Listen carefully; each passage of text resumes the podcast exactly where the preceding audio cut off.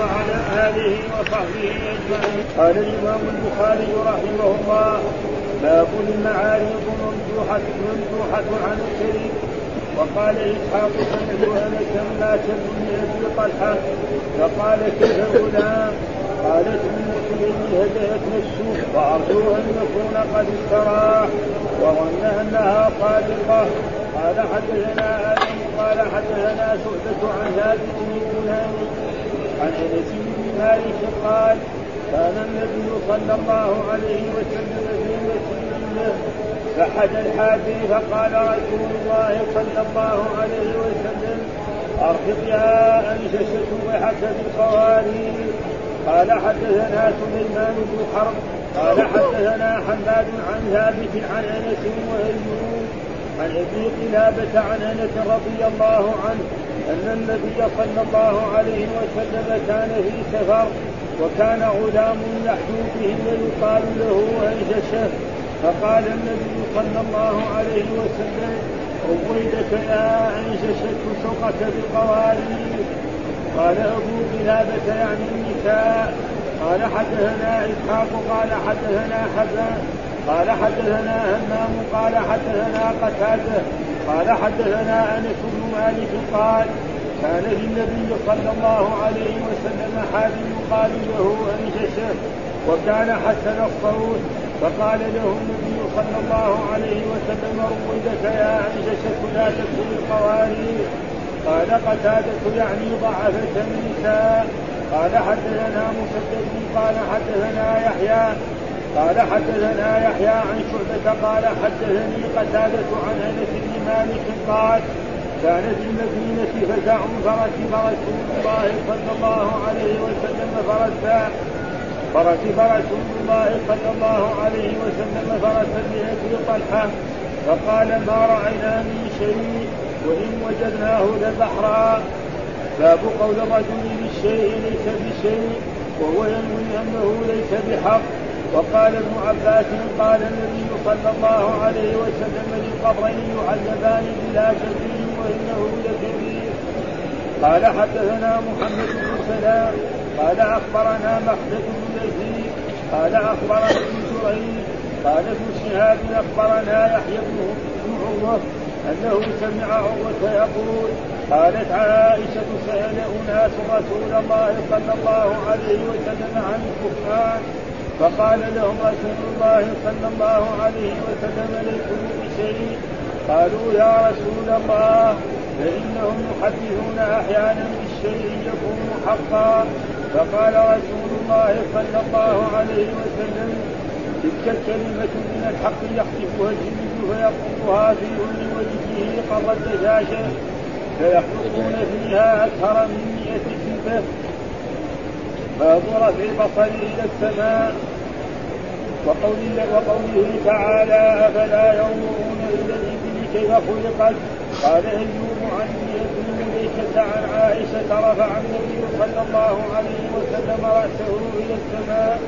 قال حدثنا يحيى بن بكير قال حدثنا الليل عن عقيل عن ابن شهاب قال سمعت إسامة بن عبد الرحمن يقول أخبرني جابر بن عبد الله أنه سمع رسول الله صلى الله عليه وسلم يقول ثم فترى عني الوحي فبينما أنا فبينما أنا أمشي سمعت صوتا من السماء ورفعت بصري إلى السماء فاذا الملك الذي جاءني بقراء قاعد قاعد على كرسي بين السماء والأرض.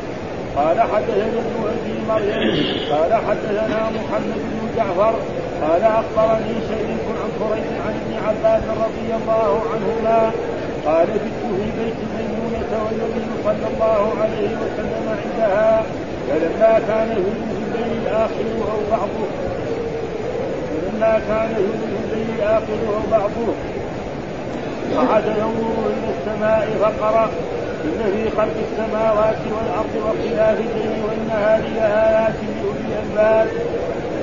باب من باب من نسك العود في الماء والطين قال حدثنا مسدد قال حدثنا يحيى عن عثمان بن غياث قال حدثنا أبو عثمان عن أبي موسى أنه كان مع النبي صلى الله عليه وسلم في حائط من حيطان المدينة وذرية النبي صلى الله عليه وسلم عود وذرية النبي صلى الله عليه وسلم عود يضرب به بين الماء والطين فجاء رجل يستفتح فقال النبي صلى الله عليه وسلم افتح له وبشره بالجنة فذهبت فإذا أبو بكر ففتحت له وبشرته بالجنة ثم استفتح رجل آخر فقال افتح له وبشره بالجنة فإذا عمر ففتحت له وبشرته بالجنة ثم استفتح رجل آخر وكان متكئا فجلس فقال افتح وبشره بالجنة.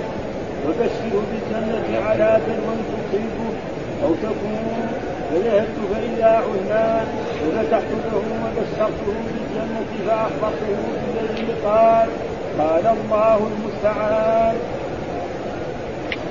طيب بسم الله الرحمن الرحيم. الحمد لله رب العالمين والصلاة والسلام على سيدنا ونبينا محمد وعلى آله وصحبه وسلم أجمعين. باب المعاريض باب المعاريض مندوحة عن الكذب. يعني هذا باب مبتدأ وخبر وبعدين المعاريض مندوحة عن الكذب. معرضة خلاف إيه؟ التصريح. فلما يصرح يقول له افعل كذا أو لا تفعل كذا هذا صريح. المعاريض لا. اللفظ يعني يعني فيه توريه ها؟ هذا التصريح. وهو التوريه بالشيء عن الشيء.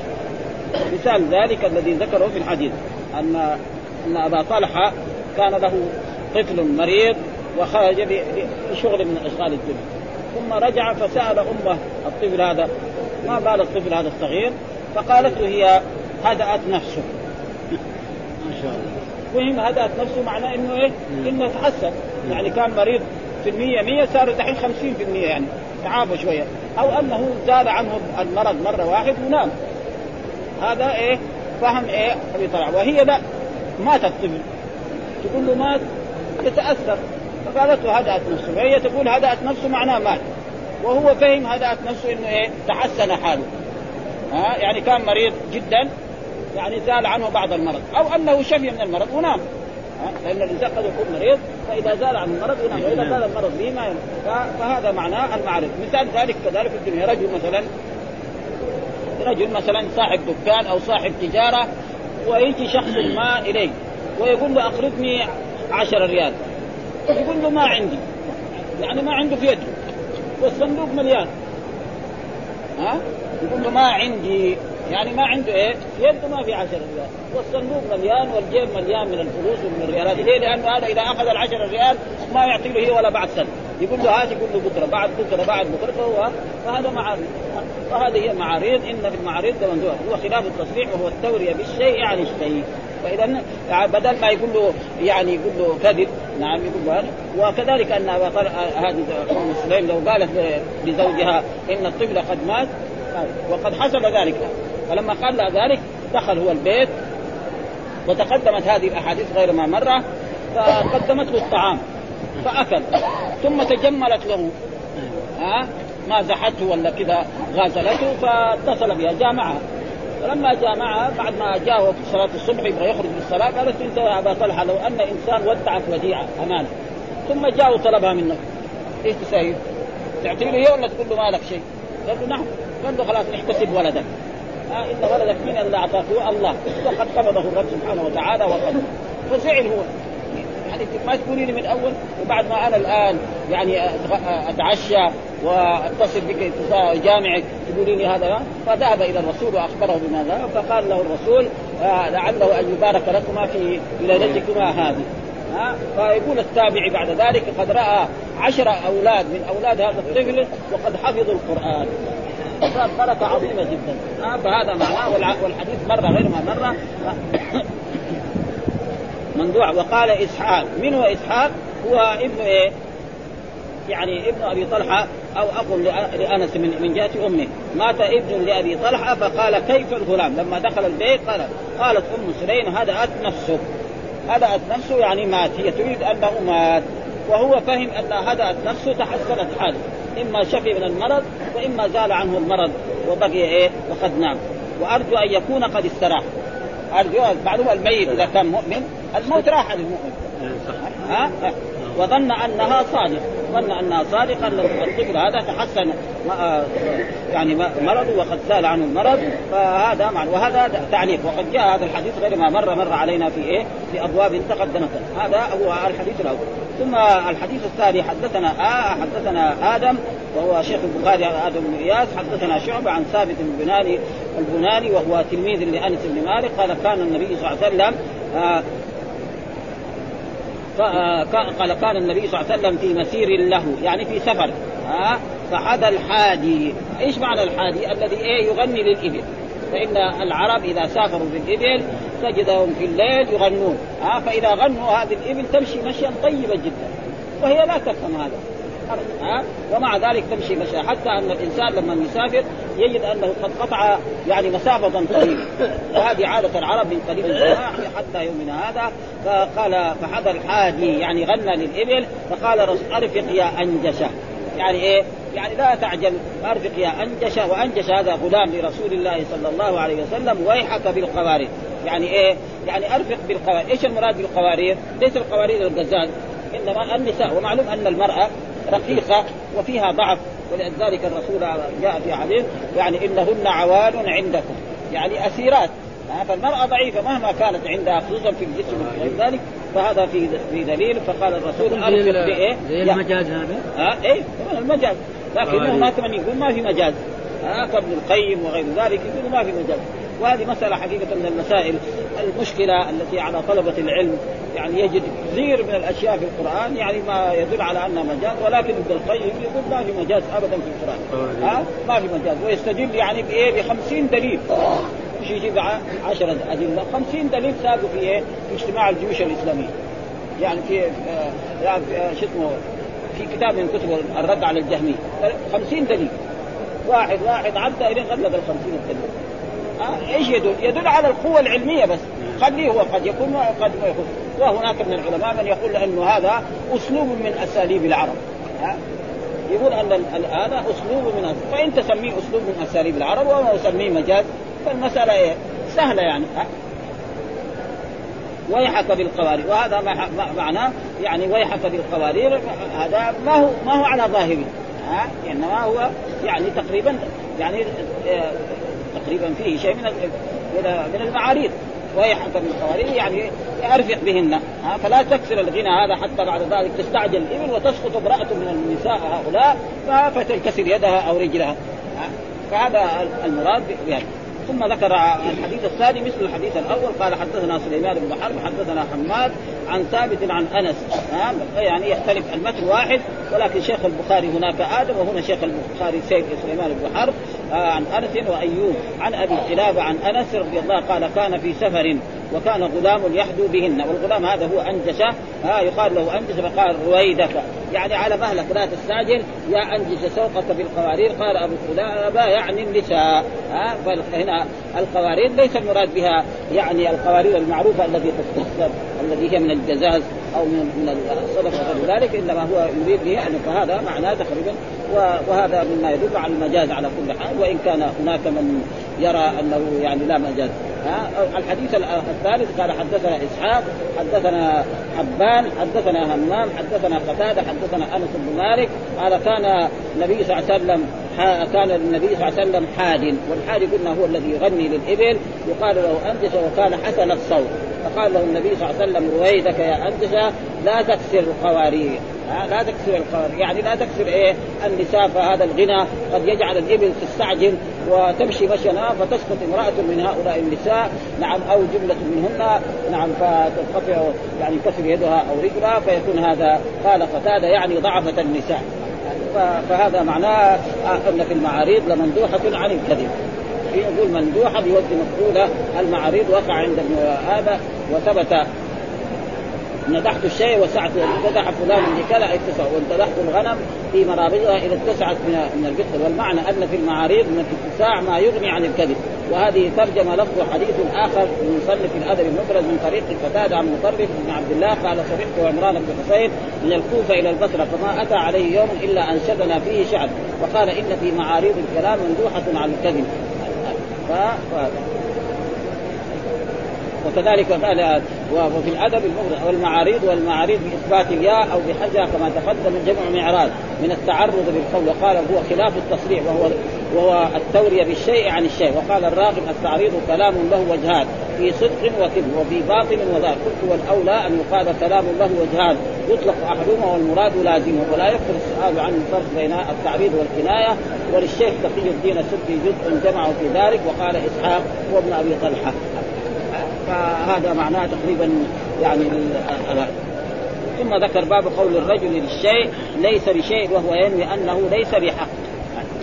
باب قول الرجل يعني للشيء ليس بشيء. يعني هو يسمى شيء ولكن هو يعني ينوي ما ما معنى ليس شيء إنما ليس بحق.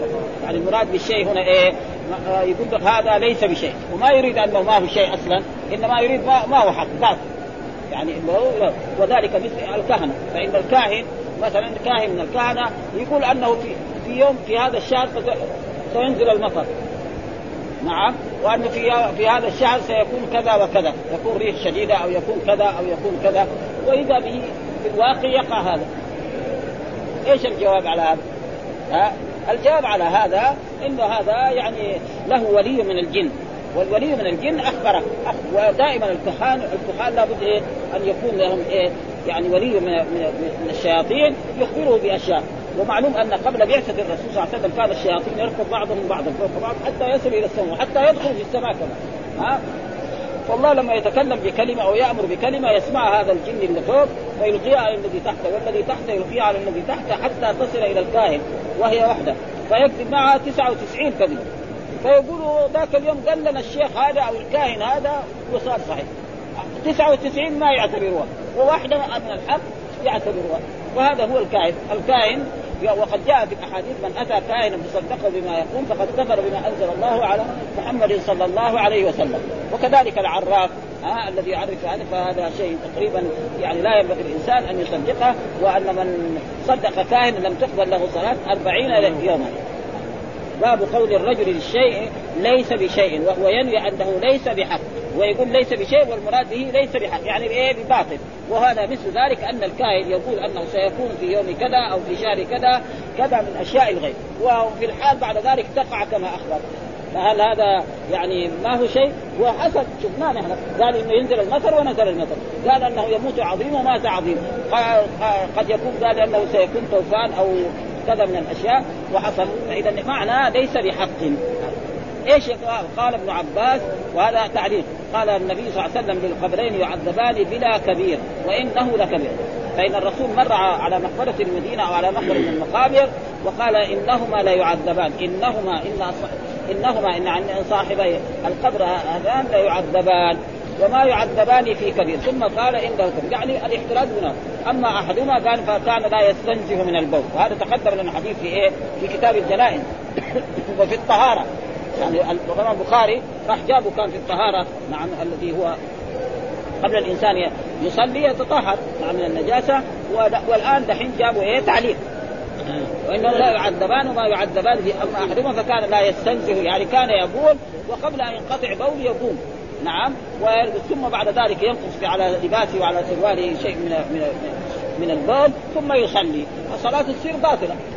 الطهارة شرط في إيه؟ في الصلاة. وآخر كان يمشي بين الناس بالنبي، إيش معنى النميمه؟ نقل الكلام من شخص إلى آخر أو من جماعة إلى جماعة على وجه الافساد.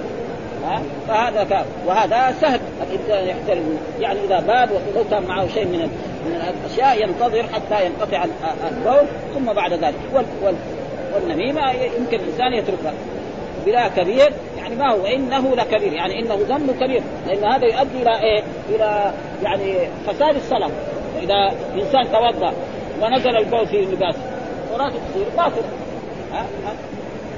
وانه لكبير يعني إيه؟ كبيره مثال إيش الدليل؟ قال حدثنا محمد بن سلام. بن سلام قال أخبرنا مخلد بن يزيد قال أخبرنا ابن جريج قال ابن شهاب أخبرنا يحيى ابن عروة أنه سمع عروة يقول قالت عائشة سأل أناس الرسول عن الكهان. سأل أناس يعني من أصحاب النبي صلى الله عليه وسلم رسول الله عن الكهان، إيش هو الكاهن؟ هو الذي يدعي علم الغيب بأن تحصل سرقة فيقول أن هذه السرقة سرقها فلان أو أنه فعل حصل كذا منه وكذا فقال, فقال لهم رسول ليسوا بشيء. هذا محل الشاهد. يعني ليسوا إيه؟ بحق. معناه إنه هذا يريد هنا بشيء إيه؟ يعني ليس بحق.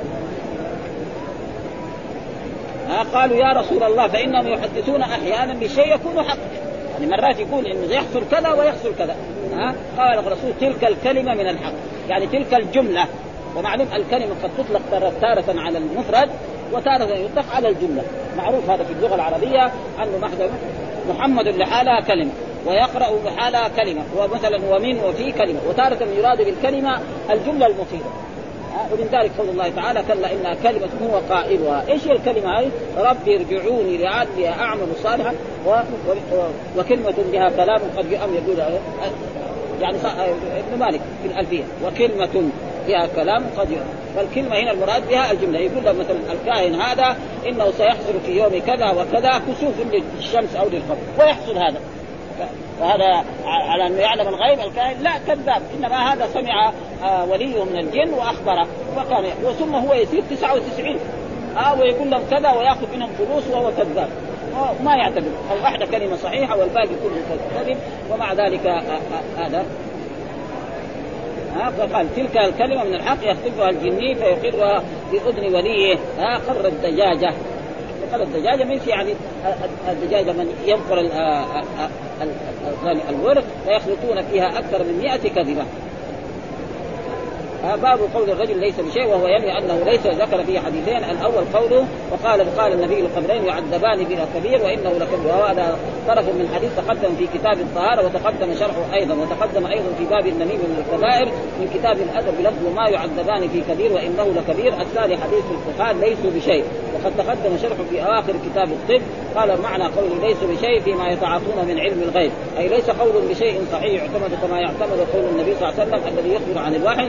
وهو كما يقال لمن عمل عملا غير متقن أو قال قولا غير سديد ما عملت أو ما قلت وقال ابن بطال ونحوه وزاد أنهم يريدون بذلك المبالغة في النفس. وليس ذلك وقال آه كثير من المفسرين في قوله تعالى هل أتى الإنسان حين من الدهر لم يكن شيئا؟ المراد بالذكر هنا القدر والشرع. أي كان آه أي كان موجودا ولكن لم يكن له قدر يذكر. الإنسان قبل يعني آدم عليه السلام أو قبل أن يخلق الأنبياء والرسل ما كانوا شيئا. ثم ذكر باب رفع البصر إلى السماء وقول الله تعالى أفلا ينظرون إلى الإبل كيف خلقت. وهذا يعني المراد بهذه الترجمة أن الإمام البخاري يرد على بعض العلماء يقول أن الإنسان المسلم لازم ما يرفع بصره يشوف السماء ها؟ كذا يعني فاهموا إنه وأن بعض من من السلف كان لا يرفع بصره إلى السماء وينظر إليها. فهو عشان يرد عليهم القرآن يقول فلا ينظرون إلى الإبل كيف وإلى السماء كيف رفعت يعني كأن الله بيأمر المؤمن انه ينظر إلى السماء كيف رفعت وهذا فيه عظم لأنه يرفع ينظر إلى البصر نعم وينظر السماء كيف رفعت انها مستوية وأنها يعني كبيرة جدا وأنها ليس لها عمد وليس لها شيء بل واقفة. ومعلوم أن البشر مهما فعلوا ما يقدروا يجعلوا سقف من متر أو مترين إلا ويكون له إيه أعمدة. ولذلك رفع السماوات بغير عمل ترونها. فلذلك يرد وأما صحيح جاء النهي في إيه؟ في في رفع البصر إلى السماء في الصلاة. هذا. في حديث. واحد يصلي يقول يرفع بصره. هذا في ها؟ فإن الرسول حذر من ذلك. وأما إنسان الآن جالس يرفع بصره إلى السماء ما في شيء. ها؟ بل هذا يدل على عظمة الرب سبحانه وتعالى و... نعم. فهذا معناه يريد باب رفع البصر إلى السماء فإن الرسول كان رفع بصره إلى السماء في الحديث الذي ساقه عبد الله بن عباس لما نام عند خالته ميمونة وقام الرسول في آخر الليل ورفع بصره إلى السماء وقرأ يعني إن في خلق السماوات والأرض واختلاف الليل والنهار لآيات لأولي الألباب. وأما في الصلاة فمكروه. وحذر الرسول من رفع ذلك. أفلا ينظرون إلى الإبل كيف خلقت؟ ها وإلى السماء كيف وهذا محل الشاهد. ها يعني ليس أن ينظرون إلى هذا الدليل لا إنما وإلى السماء كيف رفعت. قال أيوب عن ابن أبي مليكة رفع النبي صلى الله عليه وسلم رأسه إلى السماء. فإذا كان الرسول رفع رأسه إلى السماء واحد يقول ما يجوز أو مقبول يعني محل إيه ما هو يعني شريف وهذا يعني الآن أبو مليكة وهو معروف أبو مليكة من التابعين عن عائشة رفع النبي صلى الله عليه وسلم إلى السماء وكذلك عبد الله بن عباس روى ذلك أن الرسول لما أن أنه لما نام عند خالته ميمونة وقام الرسول في آخر الليل يصلي رفع بصره إلى السماء وقرأ إيه إن في خلق السماوات والأرض واختلاف الليل والنهار. طيب إيش الدليل؟ قال حدثنا يحيى بن بكير حدثنا الليث عن عقيل عن ابن شهاب قال سمعت أبا سلمة بن عبد آه آه، عبد الرحمن يقول أخبرني جابر بن عبد الله آه، بن عبد الله قال سمع رسول يقول ثم فتر عني الوحي. يعني فترة إيه؟ تأخر فإن الرسول عندما كان يتعبد في غار حراء في يوم من الأيام كان يأتي. إلى غار حراء ويجلس أيام ثم يرجع إلى زوجته خديجة وتزوجه ويرجع هكذا. واستمر في هذا مدة من الزمن وبينما هو في غار حراء في يوم من الأيام إذ جاءه يعني رجل ملك على صورة ملك وقال له اقرأ. قال ما أنا بقارئ؟ فضمه ضمة شديدة حتى الرسول ظن أنه سيموت. آه ثم يقرأ الأولى والثانية ثم قال له اقرأ باسم ربك الذي خلق خلق الإنسان من علق وهذا تقدم من الحديث عدة مرات. ثم عاد إلى زوجته وقال زملوني وقال كدت أن أهلك. ثم أخذته إلى ابن عمه ورقة بن نوفل قال هذا الناموس الأكبر الذي كان ينزل على موسى وليتني جزع حينما يخرجك قومه قال أو مخرجيه ثم فتر الوحي عنه. يعني تأخر بعد شهر شهرين ثلاثة ما يجي لأنه هو دحين يستبشر أنه يكون رسول. وتأخر شهر شهرين ثم بينما هو يمشي في مكة وإذا به يرفع بصره إلى السماء الرسول ويرى جبريل يعني بين السماء والأرض. فكذلك صار في عنده فزع وعاد إلى زوجته وقال زملوني زملوني ثم جاء القرآن وقال يا أيها المزمل أو يا أيها المدثر قم فأنذر وربك فكبر والمقصود رفع الرسول بصره إلى السماء وهذا فيه رد على من إيه؟ كره من العلماء أن الإنسان يرفع بصره إلى السماء. فإذا الرسول رفع لا كلام لأحد بعد رسول الله صلى الله عليه وسلم مهما كان. ها؟ فإذا الملك الذي جاءني بحراء قاعد على كرسي بين السماء والأرض ومحل الشاهد فرفع الرسول بصره فرفعت بصري. يعني رفع الرسول بصره فاذا فإذا الملك ها؟ فإذا الملك إيه؟ يعني جبريل عليه السلام الذي جاءني بحراء قاعد على كرسي بين السماء والأرض. فقول من ذلك أن رفع البصر إلى السماء ليس فيه شيء وأن ذلك جائز لكن في الصلاة مكروه. ها؟ هذا في الصلاة إذا كان الإنسان لا يرفع لازم في الصلاة ينظر إلى موضع سجوده. أو ينظر مثلا إلى السبابه عندما يتشهد. ها؟ ها؟ الدعاء ها؟ ورفعه في الدعاء. رفع في الدعاء ثم يرفع يديه. يعني يمكن كذلك رفع في الدعاء يقول أن أن أن الدعاء أن أن السماء قبله الدعاء. يعني وقال حدثنا ابن ابي مريم حدثنا محمد بن جعفر قال أخبرني شريك آه عن عن قريب عن ابن عباس رضي قال بت في بيت ميمونة. وقريب هذا مولى لإيه؟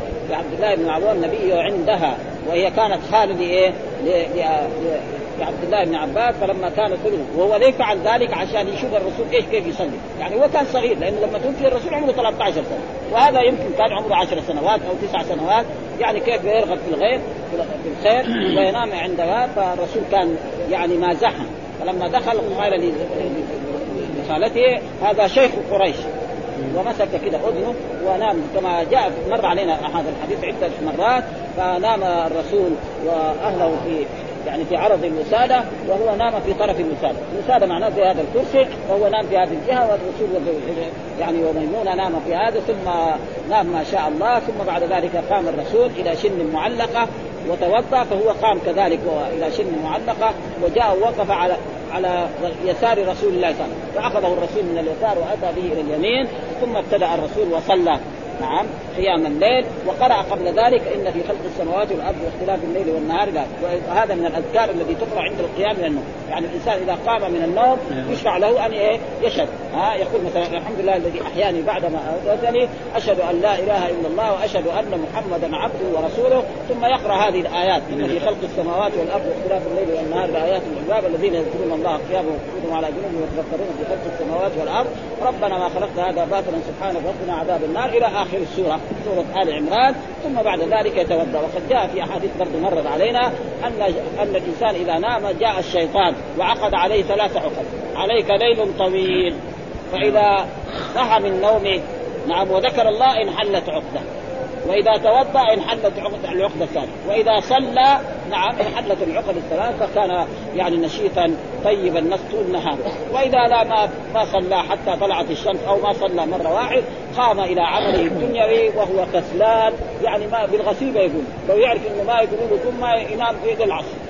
وهذا شيء مشاهد. أي إنسان يؤدي صلاة الفجر في جماعة فإنه يكون نشيطا. ولو رجع إلى النوم ثاني مرة.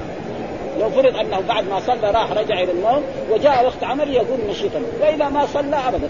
آه حدث يعني وهذا شيء مشاهد. يعني أي إنسان يعني نظر إلى هذا فإنه يجد هذا فلما كان ثلث أو بعضه آه قعد ينظر إلى السماء. وهذا محل الشاهد. أن الرسول قعد ينظر إلى السماء وقرأ إن في خلق السماوات والأرض وهذا من الأذكار الذي ها وإلى السماء كيف رفعت وهذا القدر هو المراد من الترجمة وكأن المصنف أشار إلى ما جاء في النهي عن ذلك. قال ابن سين آه غرض البخاري الرد على من كره أن يرفع أن يرفع بصره إلى السماء كما أخرجه الطبراني عن إبراهيم التيمي عن عطاء بن سلمي أنه مكث أربعين سنة لا ينظر إلى السماء تخشعا.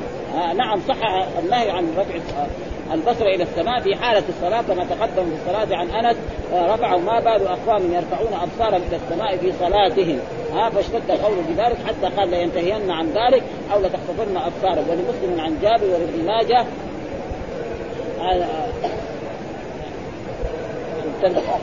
وقال تلتمع وصحابه ابن حبان. وحاصل الطريق أن النهي خاص في حالة الصلاة. وأما في غير حالة الصلاة فلا بأس بذلك. قال أيوب وهو يعني قد ثبت أن الرسول حتى كذلك في جنازة كان نكت في إيه؟ في الأرض. وقال إنكم يعني تفتنون في قبوركم. فلا بأس بذلك وأن ذلك جائز سواء كان النكف العود يعني يكون هنا في طين أو ماء فيكون الكبير يفعل هكذا. آه ثم يتحدث بشيء من العلم أو بغير ذلك فإن ذلك يعني لا بأس بذلك. آه فإن الرسول قد فعل ذلك. آه العود في الماء والطين. فإيش الدليل؟ قال حدثنا مسدد قال حدثنا يحيى عن عثمان بن غياث حدثنا أبو عثمان عن أبي موسى ها وهو أنه كان مع النبي صلى الله عليه وسلم في حائط والمراد بالحائط بستان. حائط من حيطان يعني في بستان من وفي يد النبي صلى الله عليه وسلم عود يضرب به بين الماء والطين. يعني يفعل به بين الماء والطين يحط مرة كده في الطين ومرة في الماء فجاء رجل يستفتح. لأنه كان على على على على, يعني على الحائط هذا بواب ما يدخل الإنسان إلا بعد أن يأذن له رسول الله صلى الله عليه وسلم يستفتح. فقال النبي صلى الله عليه وسلم الرسول ما رآه. يعني هذا الرجل الذي استفتح هذا قال افتح له وبشره بالجنة. قالوا لأبي موسى اذهب لهذا الرجل. افتح له الباب وخليه يدخل وبشره بالجنة. ها بشره أن أن الرسول يبشره بالجنة أنه سيعيش وسيموت وسيدخل الجنة. فإذا أبو بكر يعني فإذا هو أبو بكر. أبو بكر هذا خبر لمبتدأ محذوف واذا هذه اذا الفجائية. يعني فإذا هذا المستفتح مين اسمه إيه؟ أبو بكر. ها وهو أبو بكر الصديق رضي الله تعالى عنه. وغداه بشره بالجنة. فإذا أبو بكر. ها فإذا هذه إذا الفجائية لأن إذا الفجائية تدخل على الجمل الإسمية إذا الظرفية تدخل على الجمل الفعلية. هذه قاعدة في اللغة. إذا الفجائية تدخل على الجمل. مثلا خرجت فإذا الأسد بالباب هذه إذا الفجائية. آه أما تقول إذا جاء محمد أو إذا جاء خالد السماء انشقت. هذه إذا السماء انشقت لازم إيه؟ يعني إذا انشقت السماء انشقت. لا يجوز إذا السماء وهذه نعرفها إيه؟ فاعل لفعل محذوف ما يجوز واحد يعرفها مبتدأ. إذا عرفها مبتدأ غلط. وإن أحد من المشركين استجار أحد نعرفه إيه؟ فاعل. ما نعرفه إيه؟ مبتدأ.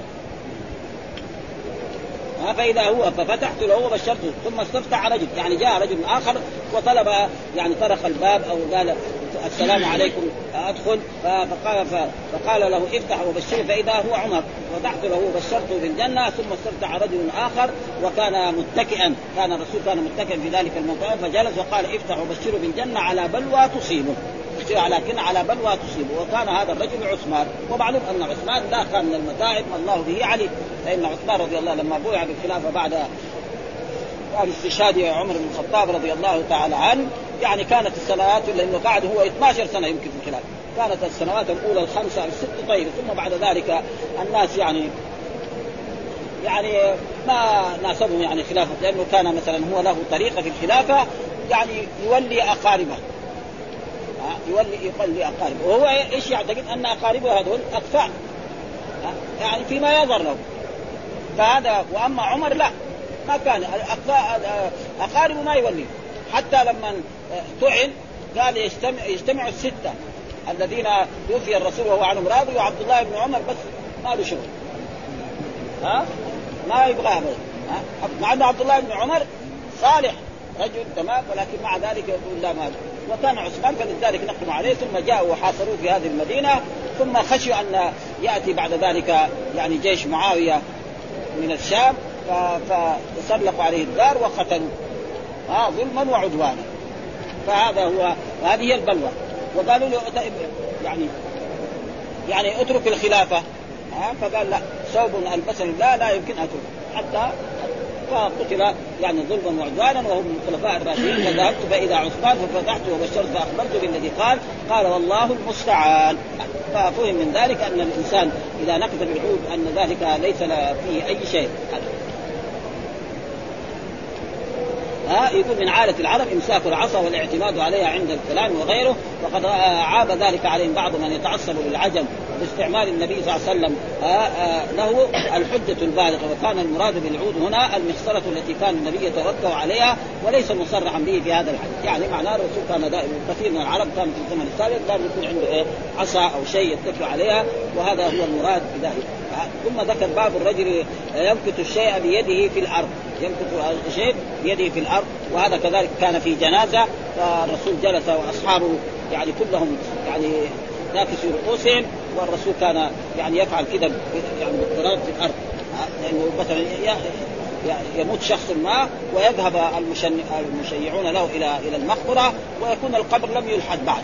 فينتظر بعد ربع ساعة أو ساعة أو أكثر حتى ينتهي ثم بعد ذلك يدخل الميت ويوارى بالتراب ثم بعد ذلك ينصرفون. فهذا في هذه المرة يعني كأنه آه لم ينتهي اللحد. فجلسوا حول رسول الله صلى الله عليه وسلم وكأن على رؤوسهم الطير. ويجب أن يكون هكذا إذا ذهب المسلمون لجنازة لا يتكلموا في أمور الدنيا. أقل ما يكون يسكت سكوتا أو يذكرون الله. وأما يتكلم في أمور الدنيا في البيع أو الشراء أو في بيع الأراضي أو غير ذلك هذا يعني حقيقة ما ينبغي. ولكن الناس الآن الموت صار كأنه شيء عادي. يعني أول الناس يمكن لما كانوا في قرى يمكن يقعد شهر ما مات أحد. الحين كل يوم خصوصا في البلاد الكبيرة في المدن الكبيرة. آه في اليوم الواحد يمكن 10 20 نفر اللي, اللي يؤتى به مثلا في هذا المسجد. آه آه فكان كأنه شيء عادي يعني. وكان الموت لازم يكون إيه؟ يعني لذلك يقول في هذا الحديث باب الرجل ينكت الشيء بيده في الأرض. وأن ذلك جائز وأن ليس في ذلك عثمان الذي قال الله المستعان. أيوه عثمان حدثنا محمد بن بشار حدثنا بن أبي عدي عن شعبة عن سليمان ومنصور عن سعد بن عبيدة عن أبي عبد الرحمن السلمي عن علي قال كنا مع النبي في جنازة. والجنازة هو الميت إذا كان في إيه؟ في السرير. ها وأما إذا كان السرير لحاله ما يسمى ما يسمى جنازة. يعني الميت إذا كان على كرسي هذا يسمى جنازة. وأما إذا كان الكرسي لحاله فإنه لا يسمى أو يسمى ميت فجعل ينقط الأرض بعود. الرسول كان وليس منكم من أحد إلا وقد فرغ من مقعده من الجنة والنار. ليه؟ لأن الله أول ما خلق القلم. قال له اكتب. قال ماذا أكتب؟ قال اكتب علمي في الخلق فجرى القلم بما هو كائن إلى يوم القيامة. ثم الإنسان إذا بلغ نعم إذا وقعت النطفة في الرحم ثم استمرت أربعين يوما نطفة ثم علقة ثم مضغة ثم بعد ذلك إذا تخلقت يرسل إليه الملك فيكتب رزقه وأجله وعمله وشقي أو سعيد. ولكل إنسان مقعد في الجنة ومقعد. فإذا آمن واهتدى أخذ دخل مقعده الجنة وإذا كفر يكون مقعد. فيرثه الشخص الآخر المؤمن. فقال ليس منكم إلا وقد فرغ من مقعده من الجنة. فقالوا أفلا نتكل يعني قال شيء مفروغ منه. نتكد خلاص نقعد ما نساوي ها قال لا ها اعملوا فكل ميسر لما. فتجد أهل السعادة ميسرون لعمل السعادة. رجل قدر الله له السعادة تجده يصلي تجده يصوم تجده يحج يمتثل أوامر الله يجتنب النواهي يطيع الله يطيع رسوله يكثر من النوافل. والرجل الذي قدر الله له الشقاء تجده دائما عاصي لله مرتكب الآثام يكفر قد يكون يؤدي إلى المعاصي أو يؤدي إلى الكفر. ها يقول أن الأنبياء سحرة وانهم كذابين وأنهم مجانين وغير ذلك فيموت على ذلك. ها فأما من أعطى واتقى وصدق بالحسنى قال فسنيسره لليسر وأما من بخل واستغنى وكذب بالحسنى فسنيسره للعسرى. ها فإذا اعملوا فكل ميسر لما خلق له ولا يجوز للإنسان ان وهذا كذلك تقدم لنا غير مرة. برضه باب التكبير والتسبيح عند التعجب. عند التعجب. معروف أن التعجب في اللغة العربية له في النحو صيغتان. وهذه الصيغة ما أفعله وأفعل به. يعني واحد يبغى يتعجب من علم فلان يقول ما أعلم خالدا. أو أعلم بخالد. هذا التعجب الذي في اللغة في النحو. ها؟ وأما التعجب من جهة البلاغة فكثير. ها؟ منها التكبير. ها؟ منها سبحان الله. ها؟ فهذا يسمى تعجب وأن ذلك جائز ولكن ليس تعجب الذي في النحو. ومن ذلك أن الإنسان إذا رأى شيء وتعجب من ذلك قوله أن أبا هريرة لما كان مع رسول وكان على جنابة فراح اختنس ثم اغتسل من الجنابة وجاء. فقال له الرسول أين كنت يا قال يا رسول كنت جنب وكرهت أن أجالسك وعنايت فقال إن المؤمن لا ينجس سبحان الله. قال الرسول سبحان الله. فهذا سبحان الله في تعجب. وكذلك الرسول يعني كبر في هذا لما هذا سبحان الله أو الله أكبر. ها كما قال آه لما قال له اجعل لنا ذات انواط كما ذات انواط قال إنا سنن. الله أكبر إنا قلتم والذي نفسي بيدي كما قال بنو إسرائيل لموسى اجعل لنا إلها كما لهم آلهة. فهذا معنى التكبير عند التعجب يعني عند إيه؟ أهل البلاغة وعند أهل اللغة غير عند النحو. أما عند التحريف فما في صيغة إلا ما أفعله وأفعل به، إيش الدليل؟ قال أخبرنا أبو اليمان أخبرنا شعيب عن الزهري حدثنا يعني هند بنت الحارث أن أم سلمة رضي الله قالت استيقظ النبي قال سبحان الله وهذا محل الشاهد. فان سبحان الله إيه؟ هذا تعجب. سبحان الله ماذا أنزل من الخزائن؟ يعني إيه؟ من خزائن إيه؟ الدنيا. فإن الرسول نظر إلى المشرق وإلى المغرب وقال إن أمتي سيبلغ منتهى ما زوي لي منها. وان وأنه قال الرسول لأصحابه لا أخاف عليكم الفقر. آه إنما أخاف عليكم الدنيا آه فتفتنوا الدنيا كما آه من قبلكم يعني ابدا. ولذلك بعد ما توفي الرسول الذي ما كان يحصل الخبز وما يحصل حبات من التمر صار أمير. ها آه أبو هريرة أمير يعني صار بعدين ها آه وكان أول يطيح في الشارع جوعان. والرسول يخرج مثلا رابطا على بطنه الحجر. ها بعد ذلك الصحابة صاروا أغنياء. أبو بكر كان غنيا وكان يعني عثمان كان غني جدا وعبد الرحمن بن عوف وناس والانصار كذلك. فالغنى يعني طيب ما فيها ولذلك اختلف العلماء هل الغني الشاكر أفضل أو الفقير آه الفقير الصابر؟ الجواب أحسن الأقوال أن الغني الشاكر أفضل من الفقير والرسول استعاذ من الفقر. ومع ذلك جاء في أحاديث اللهم احشرني يعني مع الفقراء أو الفقير معناه يعني الفقراء وجاء في أحاديث أن الرسول أفتى إن الفقراء المؤمنين يدخلون قبل أغنيائهم بنصف يوم. نصف يوم ليه؟ لأن الغني سيحاسب عن كل دينار ودرهم من أين اكتسبت وفيما أنفقت الفقير ما عنده هذا الكلام يحاسب على صلاته وعلى صيامه وعلى حجه وعلى اماله يدخل الجنة وهذاك سيسأل عن هذا القرش هذا من فين جبته؟ والدينار هذا من فين جبته؟ لما يسأل هذا في ناس عندهم ملايين دحين في عصرنا هذا طيب ملايين متى يسأل عنه؟ فيها أسئلة كثيرة هذا ها وهل كنت تؤدي الزكاة ما تؤدي الزكاة إلى غير ذلك. فلذلك على كل حال هذا لماذا انذر من الفتن؟ ها ومعلوم أن الفتن ستكون في آخر الزمان الدجال وغير ذلك. آه من يوقظ صواحب الحجر والمراد من يوقظ صواحب الحجر وهي أزواج النبي صلى الله عليه وسلم يريد به ازواجه حتى يصلين ها يعني من المستحسن أن الرجل وأن الرجل إذا قام وصلى كذلك يوقظ زوجته وتصلي معه. وأمر في أحاديث مرت علينا في دراستنا أن الرجل إذا قام يصلي وقال لزوجته قومي صلي كما قامت يقوم ينضحى بالماء. فإذا نضح عليها على عيونها وعلى ثيابها تقول تصحى من النوم. وكذلك المرأة تفعل هذا مع زوجها فيتعاونوا على الصلاة ويكون هذا هذا على كل حال هذا من إيه؟ من الاشياء المحبوب. فإذا ما صلى وجاء في أحاديث على كل حال من صلى العشاء في جماعة فكأنما صلى نصف الليل. ومن صلى الفجر في جماعة فكأنما قام الليل كله. فإذا كان مع هذا كمان صلى ركعة ها نور على نور. ها ها ناس كسال الأمثال. نحن ما بنصلي شيء في الليل ها لكن نرجو أن نصلي الفجر وناس آخرين ما شاء الله يصلوا في الليل ركعات كثيرة فلهم الأجر والثواب. ويفوت هؤلاء الذين ثم قال رب كاسية في الدنيا عارية رب كاسية في الدنيا عندها من الأموال وعندها من هذا عارية في الآخرة ما عندها أعمال صالحة. ها؟ وقال ابن أبي ثور عن عمر قال قلت للنبي طلقت نساءك. وهذا تقدم لنا هذا الحديث في باب الطلاق. فإن عمر بن الخطاب كان له كان له كان له صديق. يعني يوم ينزل عمر إلى المدينة ويسمع ما ينزل من الوحي وما ينزل من القرآن ويجي يخبر سعد وفي اليوم الثاني هذاك ينزل وهو يقوم بعمل البستان هناك في في قبى أو في أي مكان. وفي يوم من الأيام جاء صاحبه وطرق طرقا شديدا فقال أحاضر فلان قالوا نعم. فخرج إيه؟ قال له إيه؟ جاء الغساني اللي يغزو المدينة قال له لا إن الرسول طلق زوجاته. معنى طلق زوجاته معناه طلق حفصة كمان. فعمر إيه؟ يعني تاسف جدا على هذا. ها وصلى الصبح ثم ذهب إلى إلى المدينة وجاء إلى رسول الله ووجده في مشربة. يعني غرفة صغيرة مرتفعة وجاء إلى غلام كان واقفا أسود فاستأذن له أن يأذن له ليدخل على رسول الله صلى الله عليه وسلم. فاستأذن لرسول الله فلم يأذن. فرجع عمر. جلس مع الصحابة عند منبر رسول الله صلى الله عليه وسلم وصار أزواج الرسول يبكوا في البيت، معلوم أن أزواج الرسول يبكوا في البيت؟ يسمعهم. ها ثم كمان استأذن مرة ثانية ما أذن له. ثم المرة الثالثة مو قادر عمر يسمع يصبر عنه. حتى بعد ذلك اذن فدخل ولما دخل يعني وجد الرسول في مكان يعني الحصير اثر على جسد رسول الله صلى الله عليه وسلم. ها؟ فقال إيه؟ يعني كسرى المجرم ده يتعظم في الحرير. ورسول الله الذي هو افضل البشر يعني يؤثر جسد الناس فقال هذه يعني هذه طيبات في الدنيا.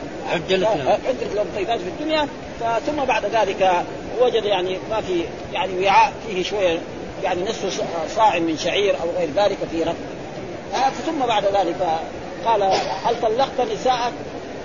هذا شيء اللي يهم عمر. قال له لا. فكانت بردا وسلاما على إيه؟ على عمر بن الخطاب. ها فقال سبحان الله. هذا محل الشاهد الذي يريده إيه؟ الإمام البخاري أن هذا من التعجب. قال سبحان الله. ها؟ طلقت؟ قال لا. ها؟ قلت الله أكبر. هنا إيه؟ الله أكبر. في هذا الله أكبر. قلت الله. هذا من التعجب كذلك وكذلك في حديث يعني يعني الرسول لما مر على قوم يعني قالوا اجعل لنا ذات انوار فبارك ذات انوار قال إن السنة قلتم والذي نفسي بيده. كما قال في سنه اسرائيل موسى اجعل لنا إلها. الرسول كذب برضه مثل هذا الحديث.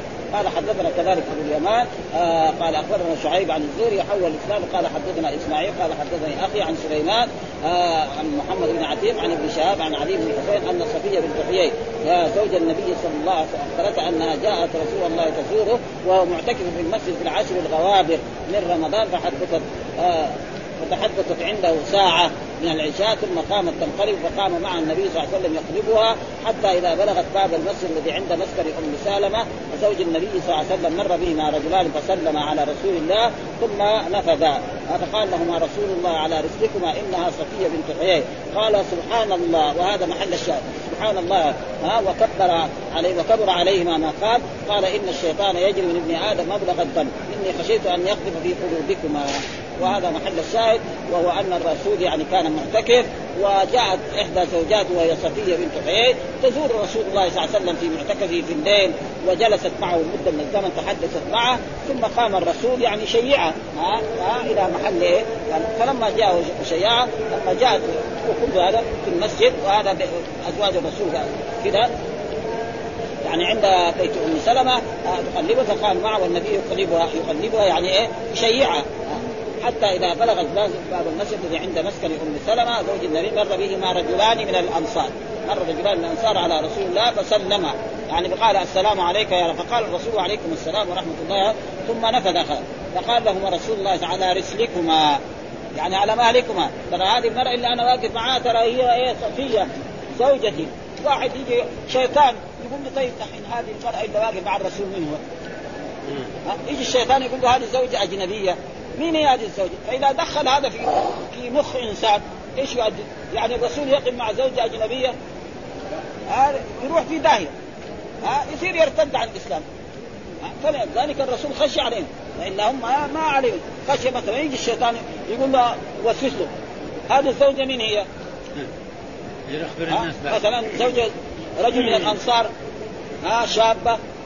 ها ما أدري إيه دخل هذا يجي له وسوسة ثانية ثالثة بعدين يقول لا والله الرسول نحن رسولنا محمد ده شفناه واحد يوم واقف مع زوجة أجنبية. طيب هذا إيش يؤدي نتائج؟ نتائج إلى الردة. إذا اتهم الرسول بهذا يعني فالرسول خشي علينا وإلا الرسول معصوم. لا يمكن أن يقع منه هذا الشيء. ولذلك هذا ذكر هذا. قال يا قال إن الشيطان يجري من ابن آدم مبلغ مجرى الدم. أي مبلغ الدم. إني خشيت أن يقذف في قلوبكما. يجي الشيطان يقول طيب هذه المرة اللي واقفة مع رسول الله مين هي؟ آه مرأة أجنبية. إيش اسمها؟ إيش صفتها؟ والله جميلة. ما هي جميلة؟ فيروح يقع في داهية. فلذلك الرسول رحمه الله وهذا يعني مثال. باب النهي كذلك عن الخط يعني الإنسان لا يرمي بحجر ثم يحط بين إصبعين ويرميه أو بأقل من ذلك فإن فيه نهي فإن هذا لا يفيد شيء لا يصير ولا قد يكسر السن وقد يقلع العين. واحد يرمي إنسان تدخل تدخل في عين في عينه تدخل تعمي. ها؟ فالرسول نهى عن ذلك. والرسول إيه؟ يعني ما من خير إلا دل أمته عليه وما من شر إلا حذر أمته ومن ذلك حذر أمته أن يقتل بعضهم بعضا بالغضب وهو الحجر الصغير فإن هذا الحجر الصغير لا ينفع شيء. إنما قد يعني يصيب العين نعم فيعمي العين. وقد يصيب السن فيكسر السن. إيش الدليل؟ قال حدثنا آدم قال حدثنا شعبة عن قتادة قال سمعت عقبة صهبان الازدي يحدث عن عبد الله بن مغفر المزي قال نهى النبي عن الخذف ها؟ قال إنه لا يقتل الصيد فإن الإنسان الصيد لا يقتله إيه؟ يعني رمى على الغزال أو على الأرنب هذا ولا ينكأ العدو. ها؟ إذا كان عنده عدو يرمي بالحجر الصغير. ما يفيد. لكن العدو يبقى له إيه؟ بندقيه أو سهم أو غير ذلك. ها؟ وإنه يبقى العين ويكسر السن. وهذا رسول الله صلى الله عليه وسلم ما من شيء ينفع العباد إلا وبينه لهم وهذه الأبواب كلها تقدمت. والحمد لله رب العالمين وصلى الله وسلم على نبينا محمد وعلى آله وصحبه وسلم.